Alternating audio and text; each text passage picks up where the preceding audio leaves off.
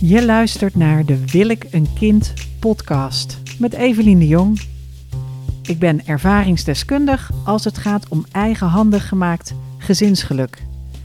En als cultuurwetenschapper onderzoek ik graag het ideaalplaatje. Ik durf niet te beginnen met verdrietig zijn hierom. Als ik hierover begin met huilen, dan hou ik nooit meer op. Dan blijf ik hier voor altijd verdrietig over. Dit zei uh, een vriendin tegen mij, die aan het accepteren is dat er geen kinderen zullen komen in haar leven. En ik, ik merk dat ik er zelf geëmotioneerd van raak, omdat ik het zo ongelooflijk verdrietig voor haar vind. En omdat ik geen oplossing heb en niks kan doen. Dus dat voelt heel ongemakkelijk. Het is ongelooflijk ongemakkelijk om bij iemand in de buurt te zijn die heel verdrietig is.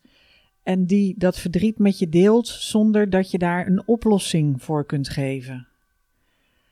En ik kom het wel vaker tegen als het gaat om de kinderwens. En dat is niet per se dan een definitief onvervulde kinderwens. Maar het is verdriet om het loslaten van het ideaalplaatje. En ik heb een tijd geleden een uh, post uh, gedeeld uh, hè, dat het, het verdrietig zijn, rouwen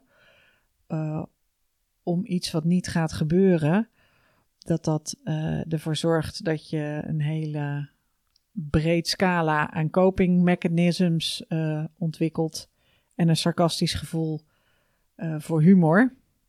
Een zwarte, donkere humor kun je erbij krijgen. Maar eigenlijk is verdriet een ondergeschoven kindje in het hele kinderwens gebeuren. Want eigenlijk wat mensen doen is zoveel mogelijk binnen hun comfortzone blijven. Zelfs als die comfortzone oncomfortabel is. Je comfortzone is niet altijd een prettige plek om te zijn. Het is een bekende plek om te zijn. En uh, de reden dat ik nu deze podcast opneem, is omdat ik net een masterclass gegeven heb over twijfel en je kinderwens. En omdat ik merk dat dat verdrietig hierom zijn, dat mensen daar voor op de vlucht slaan. Dat ze daar niet aan willen gaan. Dat ze dat net een stap te ver vinden gaan, omdat ze gewoon liever niet accepteren dat het verlangen naar het moederschap, dat daar een prijs aan zit, dat dat een offer van je vraagt. En ik merk dus dat uh, uh, het comfortabeler is om binnen je comfortzone te blijven en er wel last van te hebben, dan om te zeggen: ik, ik, ik accepteer dat mijn leven niet zo loopt zoals ik zou willen dat het loopt. En ik ben daar verdrietig over, omdat ik afscheid moet nemen van een bepaalde optie of omdat ik uh, afscheid moet nemen van het, idee dat ik een kind krijg binnen deze relatie, of überhaupt van het moederschap. En daar wil ik het dus vandaag met jullie over hebben. De lente, de meteorologische winter is voorbij. De lente is gearriveerd in het land. Terwijl ik dit sta te vertellen, is er buiten een stralende zon. Hier binnen heb ik een enorme bloem in een plant staan die uh, tot bloei gekomen is. En ik moest eraan denken, omdat ik zelf dacht van ja, verdrietig zijn. Hoe ben je, kun je in de buurt zijn met mensen die verdrietig zijn? Eigenlijk je, je eerste instinct is om mensen te laten stoppen met huilen. Om te zeggen, uh, huil maar niet. Het komt wel goed. Maar wat nou als het niet goed komt? Mag je dan niet huilen en helpt huilen niet dan? Overkopingsmechanismen. Dat is eigenlijk het is heel, dat is een heel essentieel onderdeel van het werk dat ik doe. Kopen betekent uh, dealen met iets op een bepaalde manier met iets omgaan. Dus er komt een probleem in je leven en jouw manier van daarmee omgaan, dat is hoe je ermee koopt. Uh, dat is Engels, coping. Um, dat kan heel ongemakkelijk zijn. Dus bijvoorbeeld vluchtgedrag. Wat ik zelf uh, herken, is dat ik heel lang echt al wel moeder wilde worden en, aan kinderen wilde beginnen. Maar eerst had ik liefdesverdriet van mijn grote liefde die uitging. En omdat ik dit verhaal zo vaak vertel, uh, denken mensen vaak dat die minnaar waar ik zo lang aan vast bleef zitten, dat dat mijn grote liefde was. Maar eigenlijk was hij de rebound op een veel grotere liefde, waar ik echt heel erg verdrietig om ben geweest. Het was helemaal niet zo lang aan. En terwijl dat het aan was, uh, ging ik een jaar naar Grenoble toe. En toen ging het uit terwijl ik in Grenoble zat. Hij zat in een bandje, hij brak door bij dat, met dat bandje en hij uh, was dus op de radio te horen en in de supermarkt te horen. En ik heb een half jaar lang daar alleen maar om gehuild en ik kon niet stoppen met huilen. Ik weet nog dat ik dan ochtends opstond en meteen alweer wist van, oh ja, mijn leven is volslagen ruk, omdat degene met wie ik samen oud moet worden, dat niet meer met mij samen wil.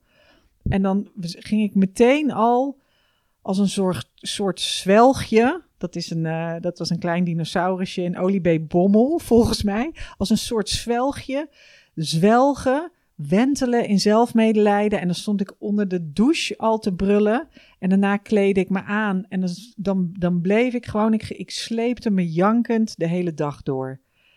En dat is ook de reden, de enige keer dat ik in maat 36 heb gepast, was in die tijd toen ik zoveel liefdesverdriet had, omdat het zoveel energie vrat. En dat ik daar alleen maar verdrietig om kon zijn. En nou zat ik na te denken over verdrietig zijn. En toen dacht ik, ben ik niet eerder ook heel erg verdrietig geweest?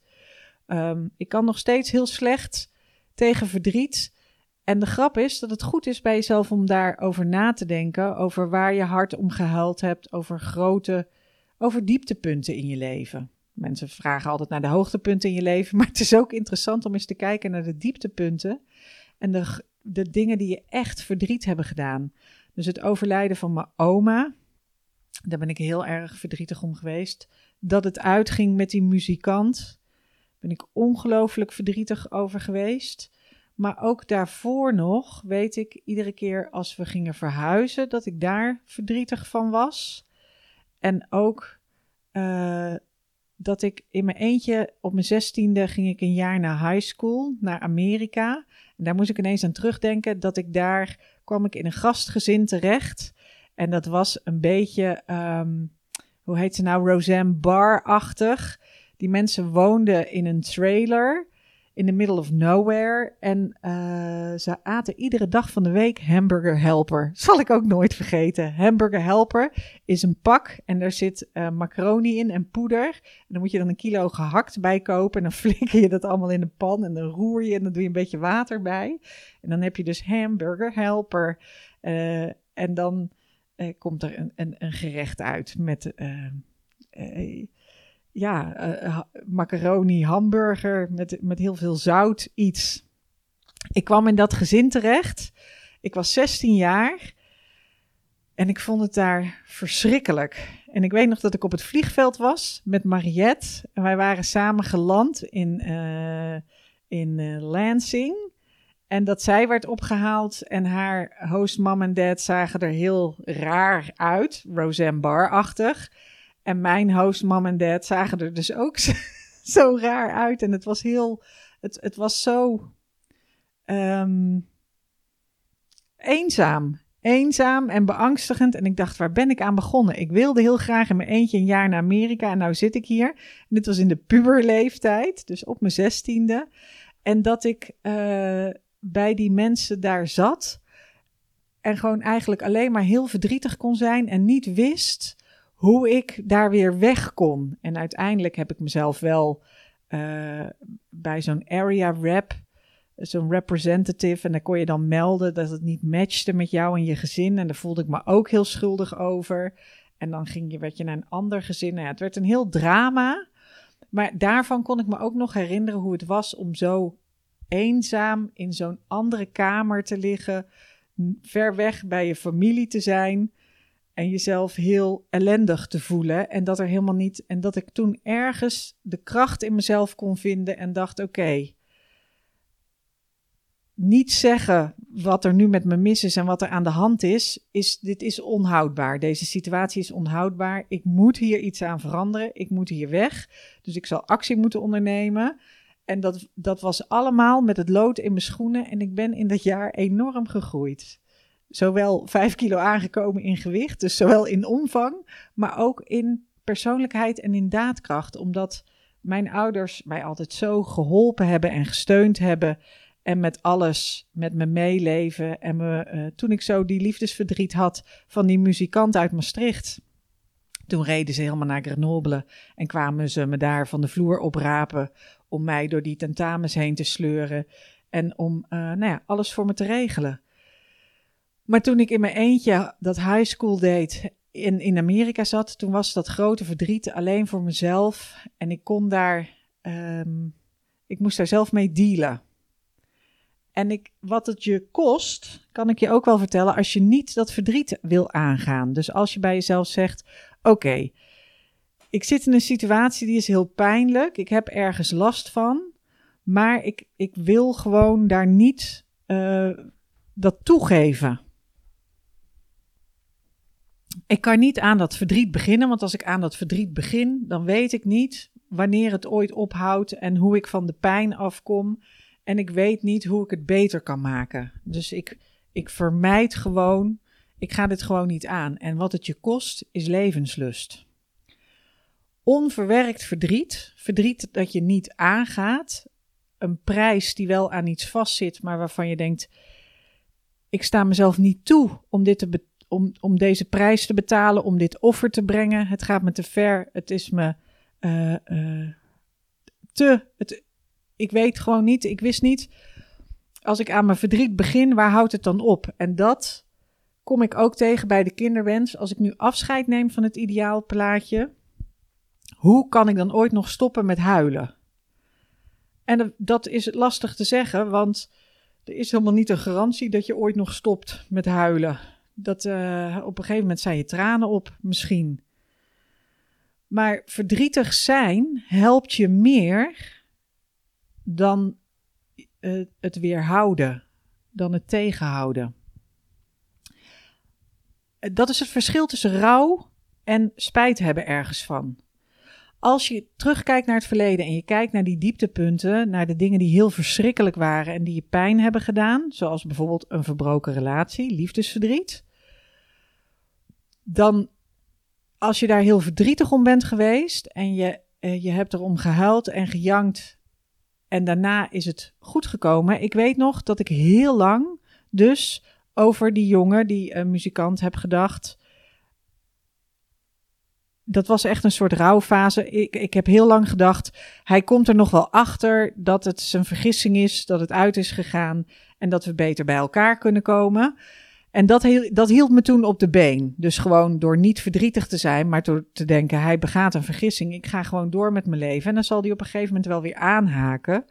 Totdat ik dus op een gegeven moment in de gaten kreeg dat ook hem terug willen was ook niet meer wat ik wilde. Dus heel lang wilde ik dat nog, dat hij terug zou komen. En toen hij op een gegeven moment een keer uh, terug langs kwam waaien, toen dacht ik: hé, hey, wat raar. Dat verlangen is er helemaal niet meer. Dat is helemaal niet per se het het enige wat ik nog wil in mijn leven. Sterker nog, het is, ik wil het helemaal niet meer in mijn leven. Maar ik heb nog niet goed nagedacht over wat ik dan wel wil. En dat, diezelf, datzelfde soort verdriet zit aan je kinderwens vast. Ik heb vorige keer een uitzending gemaakt, een podcast gemaakt over het loskoppelen van je kinderwens. En uh, het daten en de liefde. En daar zit een verdriet aan. En dat heb ik toen niet benoemd. En ik wil het vandaag wel benoemen, omdat ik denk dat verdrietig zijn echt je heel veel op kan leveren. En het is belangrijk dat je verdrietig kunt zijn en dat je uh, gemakkelijk kunt zijn bij verdriet en bij pijn, omdat als je kind later verdrietig is, dan, dan raakt dat je ook weer. En net zo goed als dat ik nu dus die hele goede vriendin heb die geen kinderen zal krijgen, dat ik met haar ook verdrietig kan zijn. Het levert je heel veel op om echt verdrietig te kunnen zijn. Ook al is dat um, alleen maar uh, is dat onprettig. Verdriet is uiteindelijk ook een emotie die je bij je kind gaat terugzien. Dus ik weet nog dat ik uh, mijn dochter op ging halen. En dat is een gedeelte. Ergens is het mijn eigen verdriet en mijn eigen pijn. Dus het uh, heb ik al eerder verteld. Ik had graag meer kinderen gehad dan één kind. En nu uh, is er één dochter. En die haalde ik vrij in het begin toen ze net uh, in groep 1 zat, haalde ik haar op van school en ze had heel graag gewild dat er iemand kwam spelen, maar er kwam niemand spelen en we waren te laat met het regelen van een speeldate en iedereen had andere dingen te doen. En toen zat ze bij mij achter op de fiets en toen ging ze hartverscheurend huilen. Zoals dat jongetje dat net voorbij liep, gewoon met van die hele lange uithalen en een hoop snot en, en helemaal overstuur. En ik had zo moeite met um, daarbij te zijn en daar rustig op te reageren en uh, niet, niet mee te gaan huilen, waarmee je het alleen nog maar uh, erger gaat maken. Zeker als je als volwassene met een kind te maken hebt, dan moet je natuurlijk wel daar op een bepaalde, uh, nou, op een gezonde manier op reageren. Maar het raakte me zo dat ik ergens het vond dat het mij schuld was dat ze niet een broertje of een zusje had. Terwijl daar, daar had het dus helemaal niks mee te maken. Het is allemaal projectie van mijzelf van mijn eigen verdriet en mijn eigen pijn, die ik op één grote snotterberg gooide met haar verdriet. Maar uh, ook toen we dus daarna thuis een spelletje waren gaan spelen en dingen waren gaan doen, toen bleef bij mij nog heel lang dat gevoel hangen. En hetzelfde is ook als ik verdriet bij mijn lief merk. Dus uh, mijn lief heeft uh, zijn zus verloren op een veel te jonge leeftijd en daar verdrietig over zijn, of vriendinnen die in een scheiding liggen, of mensen die hun ouders verliezen.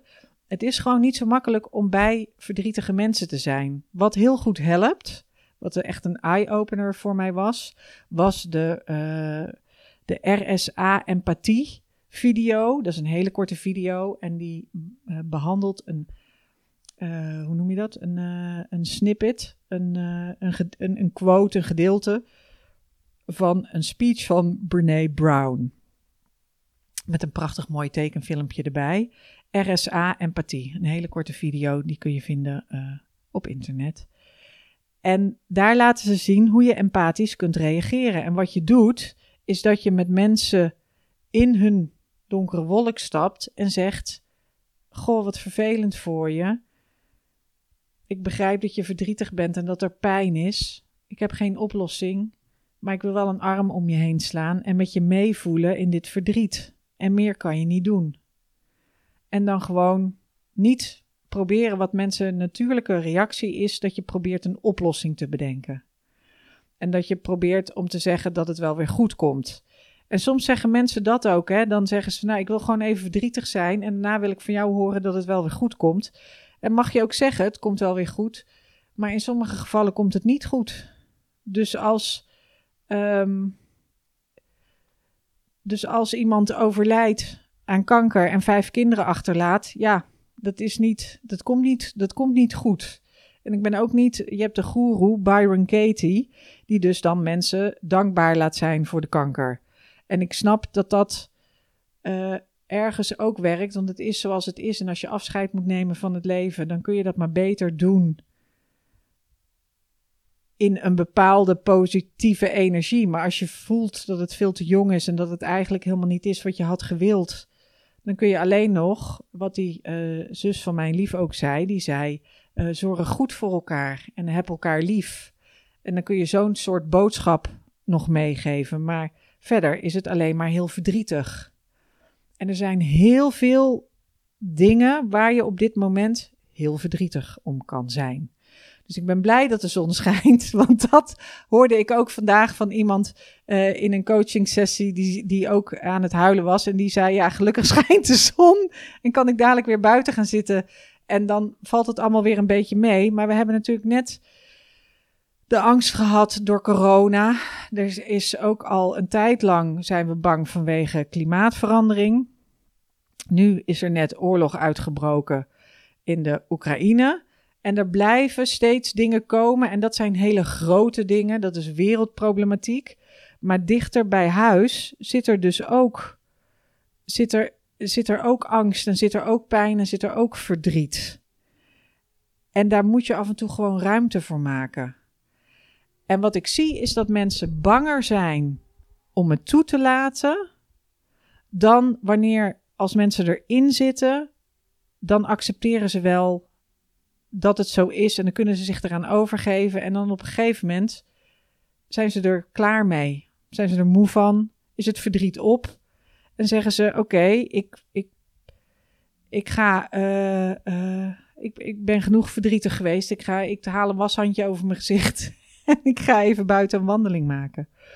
En die, die coping, dus door verdriet te vermijden, door die pijn te vermijden, dat doen ze door, nou ja, wat ik deed, is eh, door drinken of door eh, jointjes te roken of door heel wild te gaan daten of door keihard te werken of door heel veel te sporten of door eh, alleen maar te Netflixen of op andere manieren te zorgen dat ze, dat, dat, dat, dat ze de pijn niet voelen.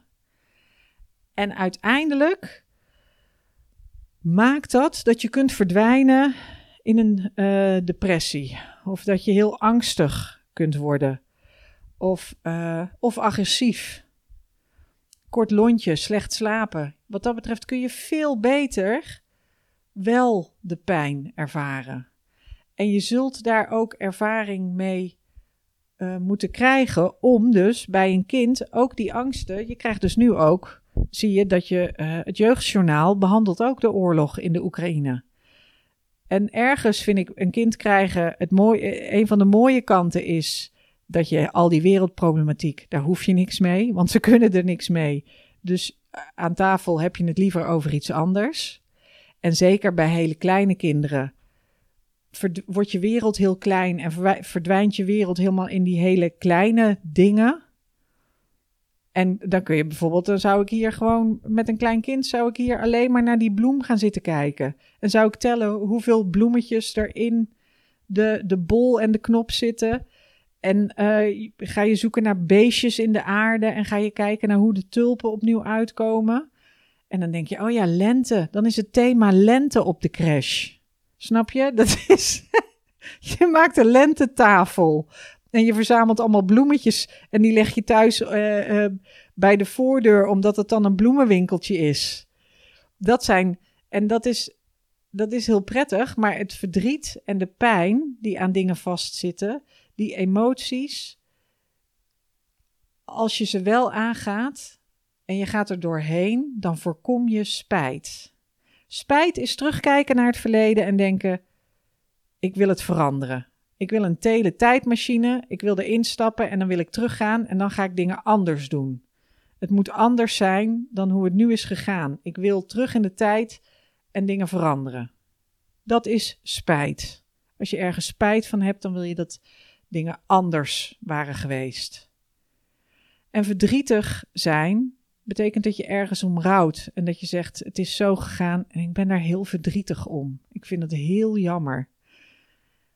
En dan gaat het er niet om dat je zou willen dat het anders was geweest, maar dan gaat het erom dat je dus iets lief had, ergens van hield, ergens aan gehecht was en dat je dat verloren hebt. En dat je, dat, dat, je die, dat je die pijn meemaakt en dat je dat verdriet voelt. En daarna komt er altijd weer ruimte voor iets nieuws. En ik zeg niet dat. ehm, ik ging ooit naar de School of Life over wel of niet kinderen krijgen. En die filosoof concludeerde. Uiteindelijk was een filosoof die de masterclass gaf. Die filosoof co- concludeerde dat je niet aan kinderen moest beginnen, omdat het risico op lijden veel groter was dan, het, eh, dan de kans op geluk. Dus er is wel een kans op geluk. Hè? Als je een kind krijgt, dan kan het zijn dat dat je geluk brengt. Maar als het je ongeluk brengt, weegt het ongeluk zoveel zwaarder, is het zoveel ellendiger en zoveel kutter, dat je beter, eh, dat het beter is om, om maar geen kinderen te krijgen. Oeh. Was voor heel veel mensen die in de masterclass zaten een enorme bummer. Die hadden allemaal zoiets van, meh, dat was niet wat ze wilden horen. Uh, maar als het gaat om risico vermijden, is dat natuurlijk wel het beste. Het beste is om helemaal te flatlinen. Dat zie je in die science fiction films wel. Dat mensen gewoon in een soort stellage hangen met een virtual reality bril op. En dat ze verder helemaal niet meer leven. Dat ze een avatar hebben die eruit ziet zoals zij eruit willen zien. En that's it. maar daarmee mis je heel veel dingen. En de angst om verdriet toe te laten en om verdrietig te zijn, die is eigenlijk te groot. Die is te groot. Je mag best af en toe verdrietig zijn. En ik kan ook heel eerlijk vertellen dat als ik een kinderwenscan voer met mensen, dat, uh, dat vrijwel, nou, meer dan de helft moet huilen in dat gesprek. En dat vind ik helemaal prima.